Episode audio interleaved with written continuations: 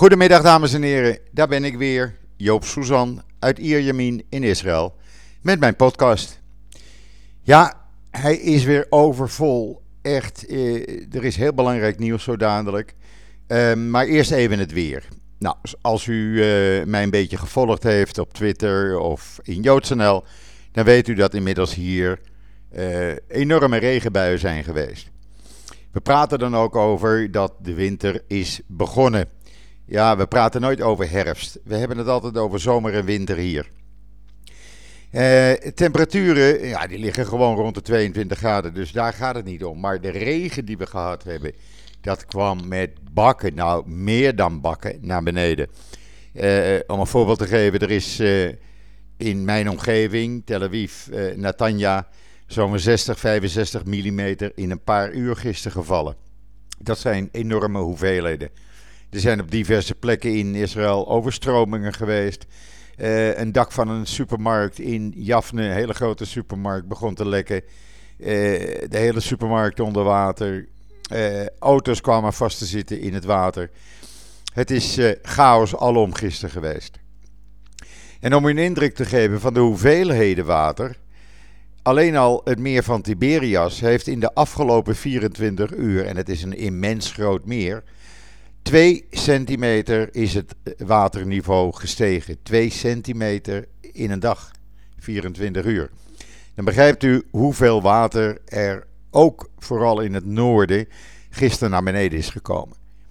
Maar goed, we klagen niet. We hebben het nodig. Het heeft zeven maanden geduurd voordat het begon te regenen. Iedereen maakte zich al een beetje zorgen omdat het uh, eigenlijk uh, een maand te laat was. Normaal komt de regen meteen naar Sukkot. En nu liet het op zich wachten. Maar we krijgen nog veel meer regen. Dit is nog maar pas het begin. En uh, ja, uh, we zullen er weer aan moeten wennen. Na zeven maanden droogte en dat is elk jaar hetzelfde. Uh, ach, en voordat je het weet is het weer februari, maart en dan is het weer voorbij. Want zo werkt dat. En dan Nederland. Ja, ik schaam me toch een beetje hoor. Ik schaam me echt een beetje. Uh, op JoodsNL kunt u het hele verhaal lezen.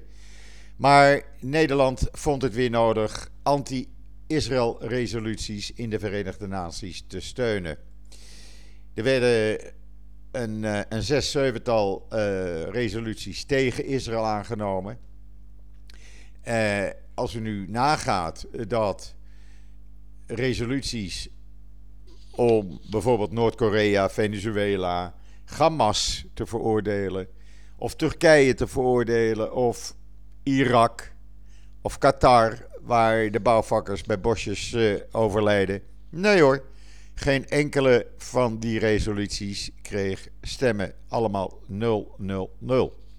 Maar toen kwam het op resoluties voor de Palestijnen aan. Uh, allereerst was daar natuurlijk de resolutie dat de Tempelberg geen Tempelberg meer mag worden genoemd. Die mag alleen maar volgens de Verenigde Naties nog de moslimnaam Al-Haram al-Sharif hebben. Uh, de heiligste plaats, zegt men, voor de moslims. Nou, dat is niet zo. Het is de heiligste plaats voor het Jodendom. En het is ook heilig voor iedereen die de Bijbel vereert, waarin de oude tempel centraal stond. Uh, maar nee, de Verenigde Naties, met steun van de Europese landen en Nederland daarbij natuurlijk, die heeft dus gezegd: de Tempelberg, nee hoor, niets met Jodendom te maken. Hij heeft alleen maar met islam te maken. Nou, dat is de grootste leugen die er is. Want het verhaal gaat dat uh, Mohammed met een paard daar ten hemel is opgestegen in het jaar 700. Terwijl in het jaar 3000 voor Christus het Jodendom zich al in Jeruzalem begon af te spelen. En we de eerste en de tweede tempel rond de geboorte van Christus hebben gehad. Dit wordt dus allemaal door de Verenigde Naties in zijn wijsheid met steun van Nederland en de andere Europese landen terzijde geschoven. Ondanks, ondanks dat op verzoek van uh, de Tweede Kamer uh, in november 2017 heeft men namelijk in de Tweede Kamer een motie aangenomen waarbij de meerderheid uh, vroeg, het was dan wel een niet bindende motie, maar de meerderheid heeft tegen de regering gezegd: luister, blijf nou niet alleen maar anti-Israëlische uh, resoluties in de Verenigde Naties steunen. Geert Wilders, Kees van der Staaij en Thierry Baudet hebben die motie ingediend toen. En op 22 augustus 2019 had minister Blok van Buitenlandse Zaken beloofd: nee hoor, we gaan niet meer zo anti-Israël stemmen. Wij zullen nu elke resolutie van tevoren bekijken en we gaan ons actief inzetten om onevenredige aandacht voor Israël bij de Verenigde Naties te bestrijden. Ja hoor, mooie woorden. Denk daaraan als u in maart naar de stembus gaat van meneer Stef Blok en mevrouw uh, Kaag. Woorden zijn niks. En in de praktijk blijkt het ook allemaal waardeloze woorden te zijn. Want meneer Blok, hey, laat gewoon toe dat de Nederlandse VN-vertegenwoordiging tegen Israël blijft stemmen. En waar heb je het dan over? Dan heb je het over de bezetting, bezetting van de Golan bezetting van Palestina. Palestina bestaat niet. Er is geen staat Palestina. Er is geen president van een officieel erkende staat Palestina. Nee, zegt de Nederlandse regering, dat is er wel, dus wij steunen die uh, resolutie. Ik denk dat ze in Den Haag echt van lotje getikt zijn. Of ze zijn echt van lotje getikt en weten niet wat ze doen. Of ze zijn in Den Haag echt met anti- Israël-politiek bezig. En ik ben bang, ik ben bang dat dat laatste het geval is. En dan moet u zich echt maar eventjes goed herinneren als u in maart volgend jaar uw stembiljet gaat invullen.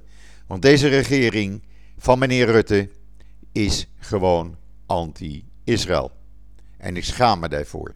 Nederland, wat altijd Israël door dik en dun steunde, is nu een van de grootste anti-Israël Israël-haters. Ik moest dat even kwijt. Ik hoop dat u me dat niet kwalijk neemt. U kunt het hele verhaal lezen op joods.nl. Alle links staan erin naar alle verklaringen, zowel van uh, meneer Blok als de Tweede Kamer. Uh, dan kunt u zelf zien en zelf oordelen hoe de Nederlandse regering te werk gaat. En dan eventjes er tussendoor een goed berichtje. Want dat uh, mag ook wel even. Hè. U weet inmiddels dat er Israëlische whisky is. Daar hebben we al een paar keer aandacht aan besteed. Die is ook in Nederland te koop. En nu is diezelfde Israëlische whisky. Die is uh, enorm hoog geëindigd in de wereldlijst voor beste whisky ter wereld. Uh, van de 100 punten hebben ze er 91 en een andere heeft er 90 gekregen. Dat is gewoon erg veel. De Milk and Honey uh, whisky of MH whisky, zoals het genoemd wordt. Kunt u verkrijgen in Musselkanaal. U kunt het online bestellen bij Dramtime, slijterij. Uh, zover mij bekend zijn zij de enige. Maar misschien uh, als u gaat vragen bij Gal Gal of een andere uh, drankenzaak. Heeft u Milk Honey of M&H whisky. Uh, wie weet is het daar ook te koop. U kunt het online bestellen. U kunt ook natuurlijk als u in de buurt woont even in Musselkanaal langs gaan. En dan, ja, ik ontkom er niet aan. En ik moet u zeggen, ik zit al uh, sinds dinsdagavond eigenlijk ademloos min of meer te kijken naar wat er zich in Amerika afspeelt. En uh, ja, het is een nek-aan-nek race. Op dit moment is er nog steeds niet bekend wie er nou gaat winnen. Uh, Biden staat voor. Maar het lijkt er op dit moment, as we speak, op dat Trump aan een soort inhaalrace is begonnen. Want in een paar staten staat hij opeens weer voor. Wat het gaat worden, ik weet het niet. In ieder geval, de Likud heeft vanmorgen, het artikel komt straks online op JoodsNL, gezegd dat ze toch wel erg bezorgd zijn als Biden president wordt. Want ja, dat kan ook de uh, Netanyahu gaan beschadigen. En het kan natuurlijk nadelig uitwerken voor Israël in de Verenigde Naties, maar ook in, het, uh, in Amerika zelf natuurlijk. Uh, Netanyahu heeft de laatste tijd weinig aandacht aan uh, Biden gegeven. De laatste keer dat hij in Washington was voor het ondertekenen van de akkoorden met de Bahrein en de Emiraten, was hij een half uurtje bij half uur afstand bij Biden vandaan, maar hij nam niet de moeite om daar naartoe te gaan. En ik denk dat Biden dat niet vergeten is. Ehm, in ieder geval, de Likud maakt zich ernstig zorgen daarover. Uh, en het kan uh, voor Netanyahu hier in Israël wel eens heel slecht uit gaan pakken. Want hij steunde natuurlijk nu al met al zijn plannetjes op de medewerking van Trump. Als Trump geen president meer wordt, is die medewerking weg en kan hij zijn, wat hij denkt, leuke plannetjes niet meer door laten gaan. Uh, ja, en dan zullen de demonstranten daar ook uh, gebruik van maken. Want, zegt de Likud, wij zijn bang dat er nu in de demonstraties gezegd gaat worden: je vriend is uh, tegen alle verwachtingen in van het toneel verdwenen. Het wordt tijd dat jij nu ook van het toneel verdwijnt. Want die demonstraties gaan hier nog steeds tegen Netanyahu door. Vanavond zijn er weer overal in het land demonstraties. Het regent niet meer, dus het kan gewoon doorgaan. Eh, dan wordt er weer ook bij mij in de buurt, bij verkeerslichten, bij rotondes, op bruggen, langs snelwegen. En natuurlijk de grote demonstraties in Jeruzalem en Tel Aviv. Overal wordt weer gedemonstreerd. En zaterdagavond krijgen we natuurlijk dan de hele grote demonstratie. Uh, waar gewoon uh, een paar honderdduizend mensen over het hele land verdeeld aan meedoen. En het lijkt wel of het elke week meer worden. Ik zie dat ook bij mij op de hoek. Waar er eerst een uh, vijftigtal stonden, is dat langzamerhand opgelopen. En afgelopen zaterdagavond stonden er gewoon meer dan 600. En dat zijn allemaal, ja, het is een mix van wat er bij mij in de buurt woont. Families met kinderen, jongeren, ouderen, eh, van alles wat. En dan hoor je, want ik ga dan even uit nieuwsgierigheid kijken. En dan sta ik daar eventjes en dan hoor je al die passerende auto's toeteren. Uh, dat ze het ermee eens zijn. Dus ja, wat er gaat gebeuren, uh, het hangt even van Amerika af. Maar het zou zomaar kunnen dat de motie van wantrouwen die Lapid gisteren wilde indienen en die hij even on hold heeft gezet, dat die volgende week woensdag of een week later wordt ingediend. En als meneer Gans en zijn club Blue and White meedoet, is daar een meerderheid in de Knesset voor en uh, valt deze regering. Want dit kan ook niet zo langer. We hebben nu allerlei maatregelen zijn er afgekondigd voor het coronavirus. De straatwinkels mogen pas zondag open. Wat blijkt, in Benai Barak zijn ze allemaal open. En niemand die daar een boete krijgt.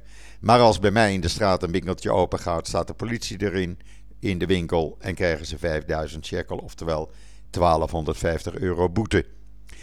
Uh, er zijn nu nieuwe boetes uitgevaardigd, althans. De boetes zijn verdubbeld. Dat betekent als een, uh, uh, een particuliere school open gaat tegen de instructies in, krijgt hij 20.000 shekel ofwel 5.000 euro boete.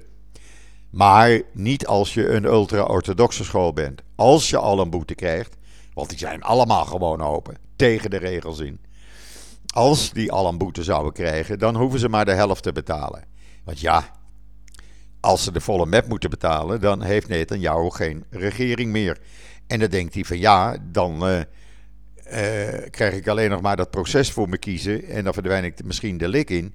Nee, ik moet premier blijven. Dus uh, vrienden van de ultra-orthodoxe partijen, wees niet bang, ik help jullie, ik steun jullie. Hetzelfde nu met de winkels die dus komende week open gaan. Natuurlijk, het is verschrikkelijk wat er gebeurt. Er zijn tienduizenden winkels zijn failliet. Mensen houden het niet meer vol. Mama-papa winkels zijn verdwenen. Uh, maar het is allemaal tegen de verspreiding van het virus. We hebben nu nog zo'n 700, 800 besmettingen gemiddeld per dag.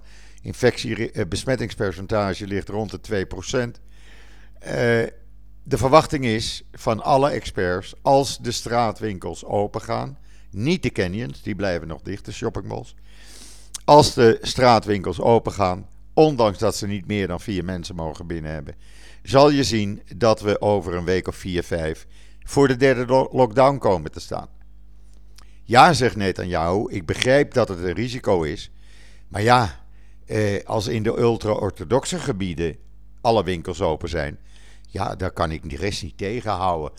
En eh, wat doen we dan aan de markten? Want mijn aanhang zit bijvoorbeeld op de Magane Yehuda-markt. Ja, die gaat dus niet open. Jawel, maar dat is toch mijn aanhang en die moet ik toch te vriend houden, anders gaan ze niet meer op mij stemmen. Sorry, werd er gezegd, meneer Netanyahu, dat gaat niet door. Er is geen meerderheid voor, het gezondheidsrisico is te groot, markten blijven gesloten. Nou, zegt Netanyahu, dan ga ik toestaan dat de straatwinkels open zijn. Dan kunnen ze ook niet meer klagen dat de winkels in Benai Barak wel allemaal open zijn, maar de rest van het land moet gesloten blijven. Nou, dat heeft hij dan ook gedaan. Dus zondag gaan die straatwinkels open. Ja, eh, ik weet niet wat ik ervan zeggen moet, maar het is weer mooie praatjes. We hebben een negen stappenplan. Daar hebben ze nu een zes stappenplan van gemaakt. Nee, zegt meneer Netanyahu, weet je wat? Ik ga er een drie stappenplan van maken of een vier stappenplan. Dan gaan we nog sneller open. Ja, zegt iedereen, dan zijn we nog sneller in lockdown. Nou, dat zien we dan wel weer. Dan uh, is het tegen de tijd is mijn proces. Ach, misschien gaat mijn proces dan wel niet door. Want dan moet ik natuurlijk ook eventjes proberen tegen te houden. Want ik wil niet voor alle vrienden die ik heb in de wereld, al die wereldleiders die mijn vriend zijn, wil ik natuurlijk niet voor schut staan dat ik daar drie keer in de week voor dat hekje moet komen te staan. Dus daar ben ik ook nog even mee bezig. Nou, ik persoonlijk denk, als u het mij op de man af zou vragen, wat gaat er gebeuren? Ik denk dat we voor het eind van het jaar hier een regeringscrisis hebben. Ik denk het wel. Uh, als Benny Gans nou eens een keer zijn woorden gestand doet. Want die heeft dus gezegd: als er per eind oktober geen budget is, dan stap ik uit de regering. Nu zegt hij ja, we het nog even een paar dagen aankijken. Ik begrijp dat wel. Gans wil ook zien wat er in Amerika gebeurt. Maar ik denk dat Gans dan volgende week gaat zeggen: Oké, dit is het einde van de oefening. Einde verhaal. Dag meneer Netanyahu. En dan hebben we dus een regeringscrisis. Want deze manier kan gewoon niet. Het kan gewoon niet. Er wordt amper gehandhaafd. Uh, er wordt beloofd aan ondernemers: jullie krijgen dit, jullie krijgen dat. oh, en we doen nog een extra bedrag erop om jullie uh, erbovenop om jullie te steunen. Mensen hebben niks ontvangen. Een derde van de ondernemers heeft iets ontvangen, een of ander bedrag, maar niet het geheel. Dat zijn een tiental bedrijven geweest. En het overgrote deel, meer dan de helft, heeft geen cent, geen shekel gezien. Ondanks dat dit drie keer is toegezegd, drie keer op televisie is verklaard. Het werd gisteravond nog eens een keer herhaald, maar men heeft geen shekel gezien. En dat zet kwaad bloed en dat weet jou ook. En daarom wil hij geen verkiezingen op dit moment. Maar ja, eh, daar had hij dan eerder aan moeten denken. Als die stekker eruit gaat in de komende weken, dan eh, zou hij zomaar eens de verkiezingen kunnen gaan verliezen. We zullen zien, het worden spannende tijden in Israël. Het zijn spannende tijden in Amerika. Want niemand die weet, echt niemand die weet wat daar gaat gebeuren. Eh, wordt Biden het? Wordt Trump het? Uh, ik zou het niet weten. Ik zou het echt niet durven. Ik, ik zei gisteren nog tegen iemand op Twitter: ik durf geen brood onder te, verwennen, te verwedden. Niet eens een sandwich. Want ik weet het gewoon niet. En niemand die het weet. Daarom vind ik het, die live televisie, waar ik dan met een half oog uh, naar kijk overdag. En s'avonds regelmatig naartoe switch die live televisie van CNN, ik vind het nog wel een dingetje, want het is reuze spannend. Ze weten het ook spannend te maken. Je moet natuurlijk even de herhalingen vergeten. Maar spannend blijft het en bijzonder om dit mee te maken. Het zou trouwens, als Trump verliest, voor het eerst in 20 jaar zijn dat een zittende president niet herkozen wordt. En dan kan je zeggen, ja, uh, hij heeft het goed gedaan voor Israël. Natuurlijk heeft hij het goed gedaan voor Israël. Maar nogmaals, ik denk dat die overeenkomsten er toch wel hadden gekomen. Met of zonder Trump. Omdat al jaren er onofficiële contacten waren. En die zijn nu alleen maar officieel gemaakt. Nou, dat valt niet meer tegen te houden. Dat gaat nu gewoon, uh, blijft dat doorgaan. Uh, Saudi-Arabië komt er ook over een tijdje aan. Geloof mij maar. Het heeft ook te maken met Iran. Waar wij niet blij mee zijn, althans hier in Israël, is dat als Biden president zou worden, de sancties tegen Teheran, tegen Iran, terug worden gedrongen. Dat is natuurlijk koren op de molen van de uh, Europese Unie. De buitenlandsaar van de EU die vindt dat allemaal prachtig. En dan wordt Nederland en uh, de Europese landen weer vriendjes met Iran. Nou, dat is fijn. Die Ayatollahs hebben gewoon vier jaar geduld gehad. En dan zullen we zien wat er weer gaat gebeuren. En dan kan je wel zeggen, ja, Trump, uh, blijft geen politicus. Hij is een uh, olifant door een porseleinkast. Maar hij heeft toch maar gezorgd dat bijvoorbeeld Noord-Korea zich toch wat rustiger gedraagt. Dat daar minder dreiging vandaan komt. Uh, maar ja, je moet eigenlijk een diplomaat hebben. Nou wil ik niet zeggen dat Biden de oplossing is, want de man, ja, zoals hij op mij overkomt, zo fragiel, zo breekbaar. Uh, ik zag een toespraak maandagavond waarin hij verkeerde namen zei, uh, zich dingen niet wist te herinneren. En dan denk ik van ja, moet dat nou vier jaar Amerika gaan leiden? Ik denk ook niet dat hij dat gaat doen.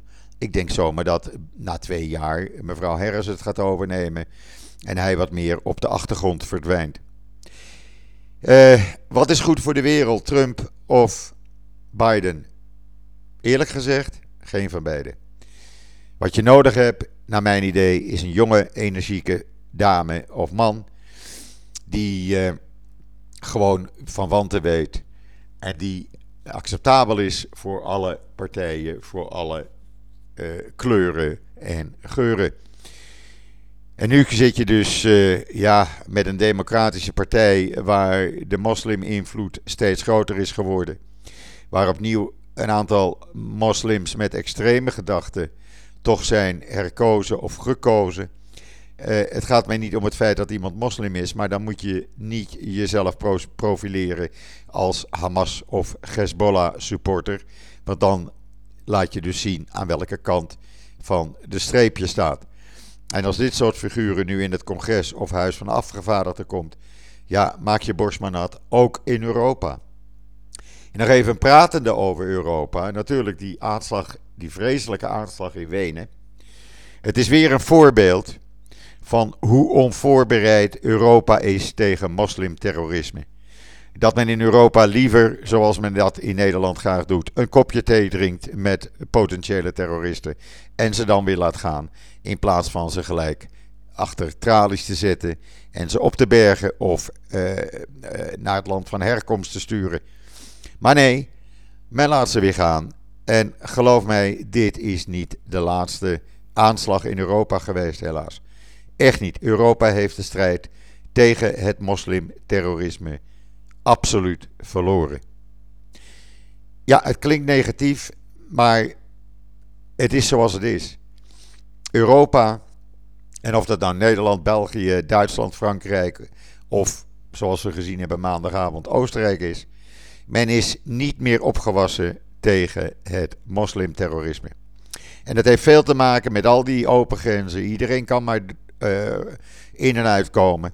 Met wapens, met explosieven, met bommen. Uh, kleine raketjes, maakt allemaal niet uit. Je vervoert ze gewoon in de achterbak van je auto. En niemand die je een strobreed in de weg legt. Dat is het Europa van 2020. Ja, het is een beetje een negatieve podcast geworden, maar het is zoals het is, mensen. Ik kan het niet mooier maken en dit is de realiteit. Uh, nogmaals, lees dat artikel over de Nederlandse politiek, over de Nederlandse regering, anti-Israël tot en met. En hou er rekening mee als u maart in uw stemhokje staat. En kijk welke partijen pro-Israël zijn. Dit gezegd hebbende zit ik toch weer tegen het eind van mijn podcast, 25 minuten. Uh, Rest mij u nog een hele fijne voortzetting van deze donderdag, de 5e november, toe te wensen. Alvast Shabbat Shalom vanuit Israël. Een regenachtig Israël, maar mooi Israël. een mooi weekend toegewenst. En wat mij betreft hoop ik u maandag weer uh, te zien of aan de podcast te hebben. Uh, en zeg ik zoals altijd: tot ziens, tot maandag.